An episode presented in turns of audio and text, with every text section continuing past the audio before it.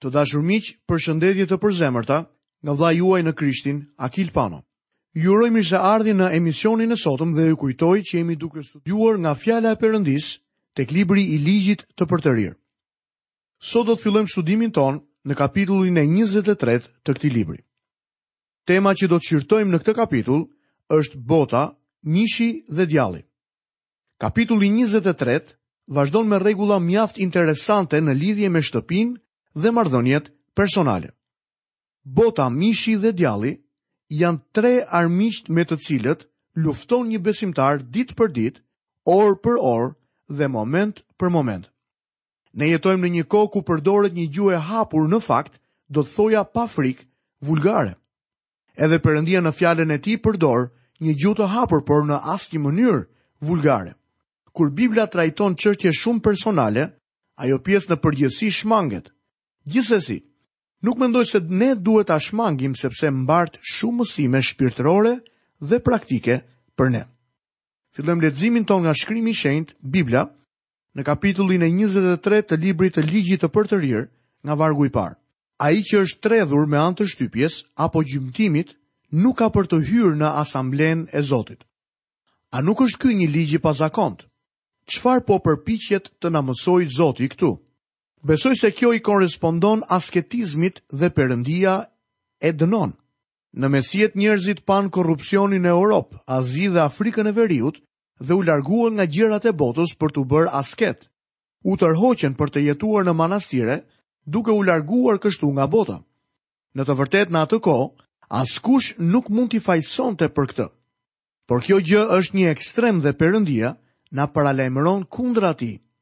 Ka njerëz që mendojnë se po jetojnë një jetë të ndarë mënjanë. Por unë nuk kam gjetur ende asnjë person të lumtur midis tyre. Madje disa prej tyre kanë qenë edhe të rrezikshëm. Ata veprojnë në mënyrë shumë fetare dhe duken shumë të shokuar kur përmendet diçka e botës para tyre. Kam zbuluar se ata njerëz mund të jenë njerëzit më të ulët dhe jo gjithmonë nderohen në punët e tyre. Në jetën time kam pasur një përvojë të hidhur me njerëz të tillë. Besoj se Zoti po na paralajmëron kundra asketizmit, ai nuk e pranon atë gjë. Lexojmë vargun e dytë.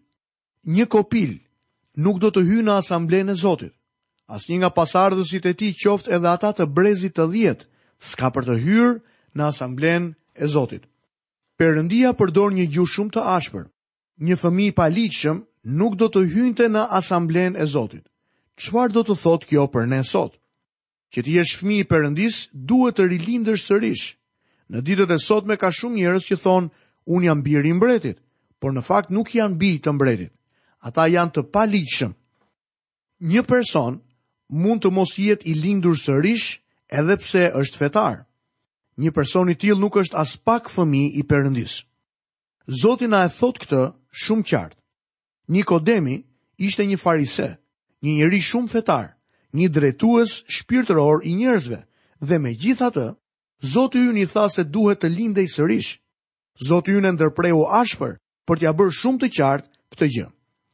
Meqenëse kam mbajtur shumë takime në këtë vend, më ka rënë rasti të takoj shumë individë, pastorë dhe besimtarë. Një herë një pastor baptist më tha, Në ditët e sotme ka shumë paganë të pagëzuar. Ata janë të dënuar për të shkuar në ferr dhe megjithatë, mendojnë se meqenëse janë të pagëzuar, janë bij të Perëndisë. Perëndia thotë se një bir i paligjshëm nuk do të shkojë në qiell, ai nuk do të hyjë në asamble. Perëndia nuk ka fëmijë të paligjshëm, ai nuk mund të ketë fëmijë të tillë. Bijtë e tij janë të gjithë të ligjshëm sepse janë të lindur sërish. Është mirë t'i bësh vetes tënde një pyetje. A jam i lindur sërish? A e njoh Krishtin si shpëtimtarin tim? Fjala e Zotit na mëson, por të gjithë atyre që e pranuan, ai u dha pushtetin të bëhen bijtë e Perëndisë, atyre që besojnë në emrin e tij, të cilët nuk janë lindur nga gjaku, as nga vullneti i mishit, As nga vullneti i burrit, por janë lindur nga Perëndia. A je i kualifikuar si një fëmijë i ligjshëm i Perëndisë? Nuk ka rëndësi se sa ceremoni fetare ke bërë, në sa kisha ke qenë, por për aq kohë sa nuk je fëmijë i Perëndisë, je i paligjshëm. Lexojmë më poshtë nga vargjet 3 dhe 4. Amoniti dhe Moabiti nuk do të hyjnë në asamblenë e Zotit, asnjë nga pasardhësit e tyre, as edhe në brezin e dhjetë nuk kanë për të hyrë kurrë në asamblenë e Zotit, sepse nuk ju pritën në rrugë me bukë dhe me ujë, kur dolët nga Egjipti dhe sepse rekrutuan kundër jush Balamin, birin e Beorit nga Pethori i Mesopotamisë, për t'ju mallkuar. Arkeologët kanë zbuluar se amonitët dhe moabitët ishin paganë të një shkalle të ulët. Ata kanë gjetur shumë imazhe të vogla të Balit. Fetë e rreme nuk lejoheshin të hynin në asamblenë e Zotit. Si mund t'i njohim fetë e rreme? Do t'i njohim nga frutat. Prova ishte se nuk i pritën izraelitët, popullin e Zotit, me bukë dhe me ujë, në shkretëtirën e madhe dhe të tmerrshme dhe rekrutuan Balamin të mallkonte Izraelin. Lexojmë vargun e pestë dhe të gjashtë. Megjithatë Zoti, Perëndia yt, nuk deshi të dëgjojë Balamin, por Zoti Perëndia yt e shndrroi për ty mallkimin në bekim, sepse Zoti Perëndia yt të do. Nuk do të kërkosh kurrë as paqen, as begatinë e tyre deri sa të jetosh. Kjo në fakt tingëllon e ashpër, por është një paralajmërim kundra bashkimit me fetë e rreme. Fetë e rreme e kanë origjinën nga Satani. Djalli nuk duhet të hynte në asamblenë e Perëndisë. Pikërisht, fetë e rreme e kanë prishur këtë botë sot më shumë se gjithçka tjetër. Ne duhet të ruhemi nga fetë e rreme. Fetë e rreme nuk kanë vend në asamblenë e Zotit. Lexojmë vargun e 7.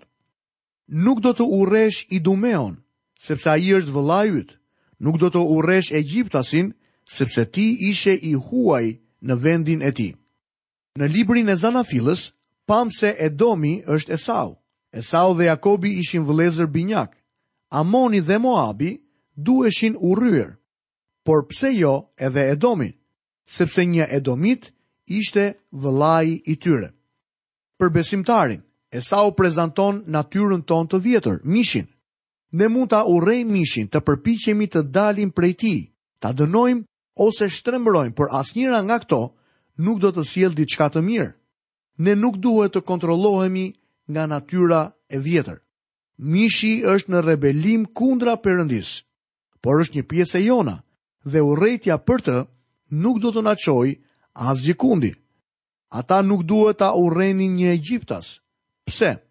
Fjala e Zotit thotë sepse ti ishe i huaj në vendin e tij. Egjipti në shkrime përfaqëson botën. Na thuhet, mos e doni botën as gjërat që janë në botë. Në qoftë se dikush e do botën, dashuria e Atit nuk është në të. Më lejoni edhe një herë t'ju them se kjo nuk do të thotë që të mos vlerësojmë bukuritë e natyrës apo shtëpitë tona, makinat apo komoditetet e tjera që janë pjesë e botës rreth nesh. Çështja qëndron se nuk duhet të biem në dashuri me këto gjëra. Sigurisht që nuk duhet t'i përçmojmë, por as t'i duam. Unë dhe ti jemi të huaj dhe shtegtarë në këtë tokë. Ashtu siç bijve të Izraelit nuk iu kërkua asnjëherë të mbillnin lule në shkretëtirë, as ne nuk jemi thirrur të krijojmë lëvizje që të përpiqen të korrigjojnë botën. Ne duhet të përhapim fjalën e Zotit. Kjo është puna jonë, për shkak se jemi vetëm të huaj dhe shtegtarë që kalojnë mbi këtë tokë. Duke filluar nga vargu i nëntë, jepet një pjesë për pastërtinë. Edhe kur ndodheshin në fushën e betejës, njerëzit e Perëndisë duhet të mbanin pastërti në kamp. Lexojmë vargjet dymbëdhjetë dhe trembëdhjetë. Do të kesh edhe një vend jashtë kampit dhe do të shkosh atje për nevojat e tua. Dhe midis veglave të tua do të kesh edhe një kunj dhe kur të shkosh për t'u mbledhur kruspull përjashta, me të do të gërmosh një gropë dhe pastaj do të mbulosh jashtëqitjet e tua. Perëndia është interesuar shumë për higjienën tonë. Kudo që ka shkuar krishterimi, ka pasur një përmirësim të kushteve sanitare. Sot dëgjojmë shumë për ndotjen. Kush e ndoti këtë univers? Sigurisht që nuk ishte Perëndia. Ai na dha lumej, ajër dhe ujë të pastër. Mëkati dhe njeriu i mëkatshëm e ndoti këtë botë. Nëse njerëzit do të ndiqnin udhëzimet e Zotit, kjo tokë do të ishte një vend shumë i pastër. Lexojmë vargun e 14. Meqenëse Zoti Perëndia yt, ecën në mes të kampit tënd, që të të bëjë të lirë dhe që të të japë në dorë armiqtë e tu. Prandaj kampi yt do të jetë i shenjtë që Zoti të mos shohë në gjirin tënd asnjë paturpësi dhe të largohet prej teje. Perëndia interesohet shumë për pastërtinë. Dikush ka thënë se pastërtia është shumë afër me besimtarin. Mendoj se është më afër se kaq. Pastërtia është pjesë e tij. Perëndia kërkon që të jemi të pastër në trup, në ambient, në mendime dhe në veprime. Ne duhet të jemi një popull i shenjtë në këtë botë. A nuk është ky libër shumë praktik? Lexojmë vargjet 17 dhe 18. Nuk do të ketë asnjë grua që të merret me kurvëri midis bijave të Izraelit, Nuk do të ketë asnjë burrë që të merret me kurvëri midis bijve të Izraelit. Në shtëpinë e Zotit, Perëndisë tënd, nuk do të çosh shpërblimin e një kurve as çmimin e një qeni, për asnjë kusht, sepse këto dy gjëra janë një ndyrësi për Zotin, Perëndinë tënd. Perëndia tha se midis njerëzve të tij nuk duhet të kishte prostituta apo pederastë. Perëndia tha se nuk do të pranonte në asnjë mënyrë të ardhurat nga ato punë që ishin ilegale apo imorale. Ai nuk do asgjë prej tyre. Tani dua të them diçka që nuk është shumë popullore për t'u thënë. Nuk besoj se ndonjë organizatë e krishterë duhet të pranojë para nga një punë ilegale apo imorale. Unë falënderoj Perëndinë për dy shkollat që kthyen mbrapsht një dhuratë nga një punishte e madhe alkoolike. Shumë biznese të pasigurta përpiqen të fitojnë respekt duke bërë bamirësi, ashtu sikurse e dini edhe ju. Lexojmë poshtë vargjet nëntëmbëdhjetë dhe njëzet. Vëllait tënd nuk do t'i japësh hua me kamatë, interes për të holla, interes për ushqime ose çfarëdo gjë tjetër që huazohet me interes. Të huajit mund t'i japësh hua me kamatë, por jo vëllait tënd. Me qëllim që Zoti Perëndia yt të të bekojë në të gjitha gjërat mbi të cilat do të vësh dorë në vendin ku je duke hyrë për ta pushtuar. Sërish Perëndia insiston që ata të kujdesen për vëllezërit e tyre. Dhe nëse vëllezërit i kërkojnë borxh, nuk duhet t'ia japin me kamatë. Lexojmë vargun 21 dhe 22. Kur lidh një kusht me Zotin, Perëndinë tënd, nuk do të vonosh ta kryesh sepse Zoti Perëndia yt do të të kërkojë me siguri llogari dhe ti do të ishe fajtor. Por në rast se nuk lidh kushte, nuk kryen mëkat. Një kusht me Zotin ishte një veprim vullnetar. Askujt nuk i kërkohej të lidhte një kusht apo me fjalë të tjera të bënte një betim përpara Zotit. Gjithsesi, Nëse lidhej një kusht me Zotin, atëherë kushti ishte absolutisht i detyrueshëm, siç e përmendëm edhe më parë. Lexojmë vargjet 24 dhe 25. Kur hyn në vreshtin e të afërmit tënd, mund të hash rrush sa të ngopesh, por nuk do të vësh rrush në shportën tënde. Kur hyn në arën e grurit të të afërmit tënd, mund të mbjellësh kallinj por nuk do të përdorësh drapërin në arën e grurit të të afërmit tënd. Dishepujt e Zotit tonë e bënë këtë gjë. Për shkak se ishin të uritur, filluan të mblidhnin grurë dhe të hanin ndërkohë që kaluan përmes fushës. Siç e shohim këtu tek ligji i përtërir, kjo gjë nuk ishte e paligjshme. Perëndia tha se një fermer duhet ta bënte këtë gjë me mirësjellje. Këtu kemi përfunduar studimin e kapitullit të 23 të ligjit të përtërirë dhe do fillojmë menjëherë studimin e kapitullit të 24 në këtë libër. Tema që do të shqyrtojmë në këtë kapitull është tema e divorcit. Ky kapitull fillon me ligjin për divorcin. Pjesa tjetër e kapitullit u kushtohet marrëdhënieve të njerëzve me njëri-tjetrin dhe mëshirës që duhet treguar. Miqtë e mi, Perëndia është i mëshirshëm dhe pret që njerëzit e tij të tregojnë mëshirë ndaj njëri-tjetrit. Lexojmë nga vargu i parë deri në vargun e katërt. Kur një burrë martohet me një grua dhe më vonë ndodh që ajo nuk e kënaq më sepse ka gjetur në të diçka të turpshme. Le të shkruajë një shkresë ndarje, t'ia japë në dorë dhe ta dëbojë nga shtëpia e saj. Në qoftë se del nga shtëpia e saj dhe bëhet bashkëshorte e një burri tjetër, Në rast se bashkëshorti i fundit fillon ta urrejë, ai shkruan për të një shkresë ndarje, ia jep në dorë dhe e dëbon nga shtëpia e tij, ose nëse bashkëshorti i fundit që e kishte marrë për grua vdes, burri i parë që e kishte dëbuar nuk do të mund ta marrë përsëri për grua, pasi është ndotur, sepse kemi të bëjmë me një akt të neveritshëm në sytë e Zotit, dhe ti nuk do ta njollosësh me mëkat vendin që Zoti Perëndia yt të jep si trashëgimi. Ndoshta mund të pyesni se pse u vendos rimartesa mbi këtë bazë. Sepse Perëndia nuk binte dakord me shkëmbimin e grave. Nuk duhet të kishte kthim mbrapa. Kjo duket si një formë shumë e thjeshtë e divorcit, apo jo? Ishte shumë e lehtë. Përse e lejoi Perëndia këtë gjë? Zoti Jezus iu përgjigj kësaj pyetje. Ata i thanë, Atëherë përse Moisiu urdhëroi të jepet letërndarja dhe të lëshohet? Ai u tha atyre. Moisiu ju lejoi t'i ndani gratë tuaja për shkak të ngurtësisë së zemrave tuaja, por në fillim nuk ka qenë kështu. Por unë ju them se kushdo që e lëshon gruan e vet përveç rastit të kurvërisë dhe martohet me një tjetër, shkel kurorën. Edhe ai që martohet me gruan e ndarë, shkel kurorën. Mosbesnikëria ndaj betimit të martesës ishte shkaku i vetëm për divorc. Shohim që ekzistojnë disa spekulime mbi kapitullin e 7 në letrën e parë drejtuar Korintasve, që sjellin një tjetër arsye ose bazë për divorcin. Zoti Jezus tha se Moisiu u lejua ta bënte këtë gjë për shkak të ngurtësimit të zemrave të njerëzve. Ekzistojnë shumë gjëra që Zoti i lejon në vullnetin e tij. Ai i lejon për shkak të ngurtësisë së zemrave tona. Kjo është ende e vërtetë sot në shumë raste të divorcit. Është e vërtetë edhe në shumë nga shtëpitë tona, edhe në jetën e shumë individëve. Perëndia është i mëshirshëm dhe zemërgjerë me ne duke lejuar gjëra në jetën tonë që nuk janë në vullnetin e tij të përsosur. Vullneti i tij i butë tregon mëshirën e tij ndaj nesh.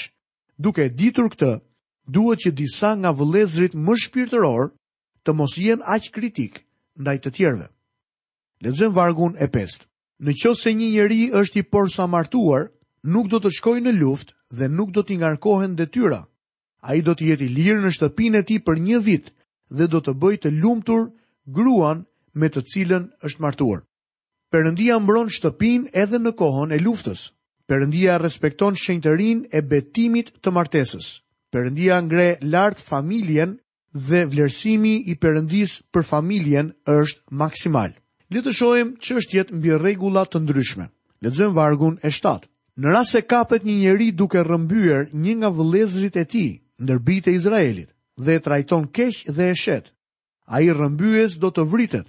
Kështu do ta shkulësh të keqen nga gjiri yt. Perëndia e dënon skllavërinë, nuk ka asnjë dyshim për këtë gjë. Lexojmë vargjet 20 deri 22. Kur do të shkundësh kokrrat e ullinjve të tua, nuk do të kthehesh në degët e tyre. Ullinjtë që kanë mbetur do të jenë për të huajin, për jetimin dhe për gruan e ve. Kur të vjelësh vreshtin tënd, nuk do të kalosh një herë të dytë. Vilet e rrushit të mbetura do të jenë për të huajin, për jetimin dhe për gruan e ve. Dhe do të kujtosh se ke qenë skllav në vendin e Egjiptit, Prandaj të urdhëroj të veprosh në këtë mënyrë. Perëndia po kujdesej për ata që ishin të pashpresë, për ata më të varfrit. Perëndia kishte një program të mirë për varfërinë. Dhe interesantja është se ky program funksiononte. Ne do ta shohim këtë pak më vonë kur të mbërrijmë në librin e Ruthit. Të dashur miq, këtu kemi mbërritur dhe në fundin e emisionit të sotëm. Lutem që Perëndia të sjellë dritë dhe kuptim frymëror mbi fjalën e Perëndisë që sot ju është mësuar. Nga vëllai juaj në Krishtin Akil Pano, paçi të gjitha bekimet e Perëndisë dhe paqen e tij në jetën tuaj. Bashkë mirudëgjofshim në emisionin e ardhshëm.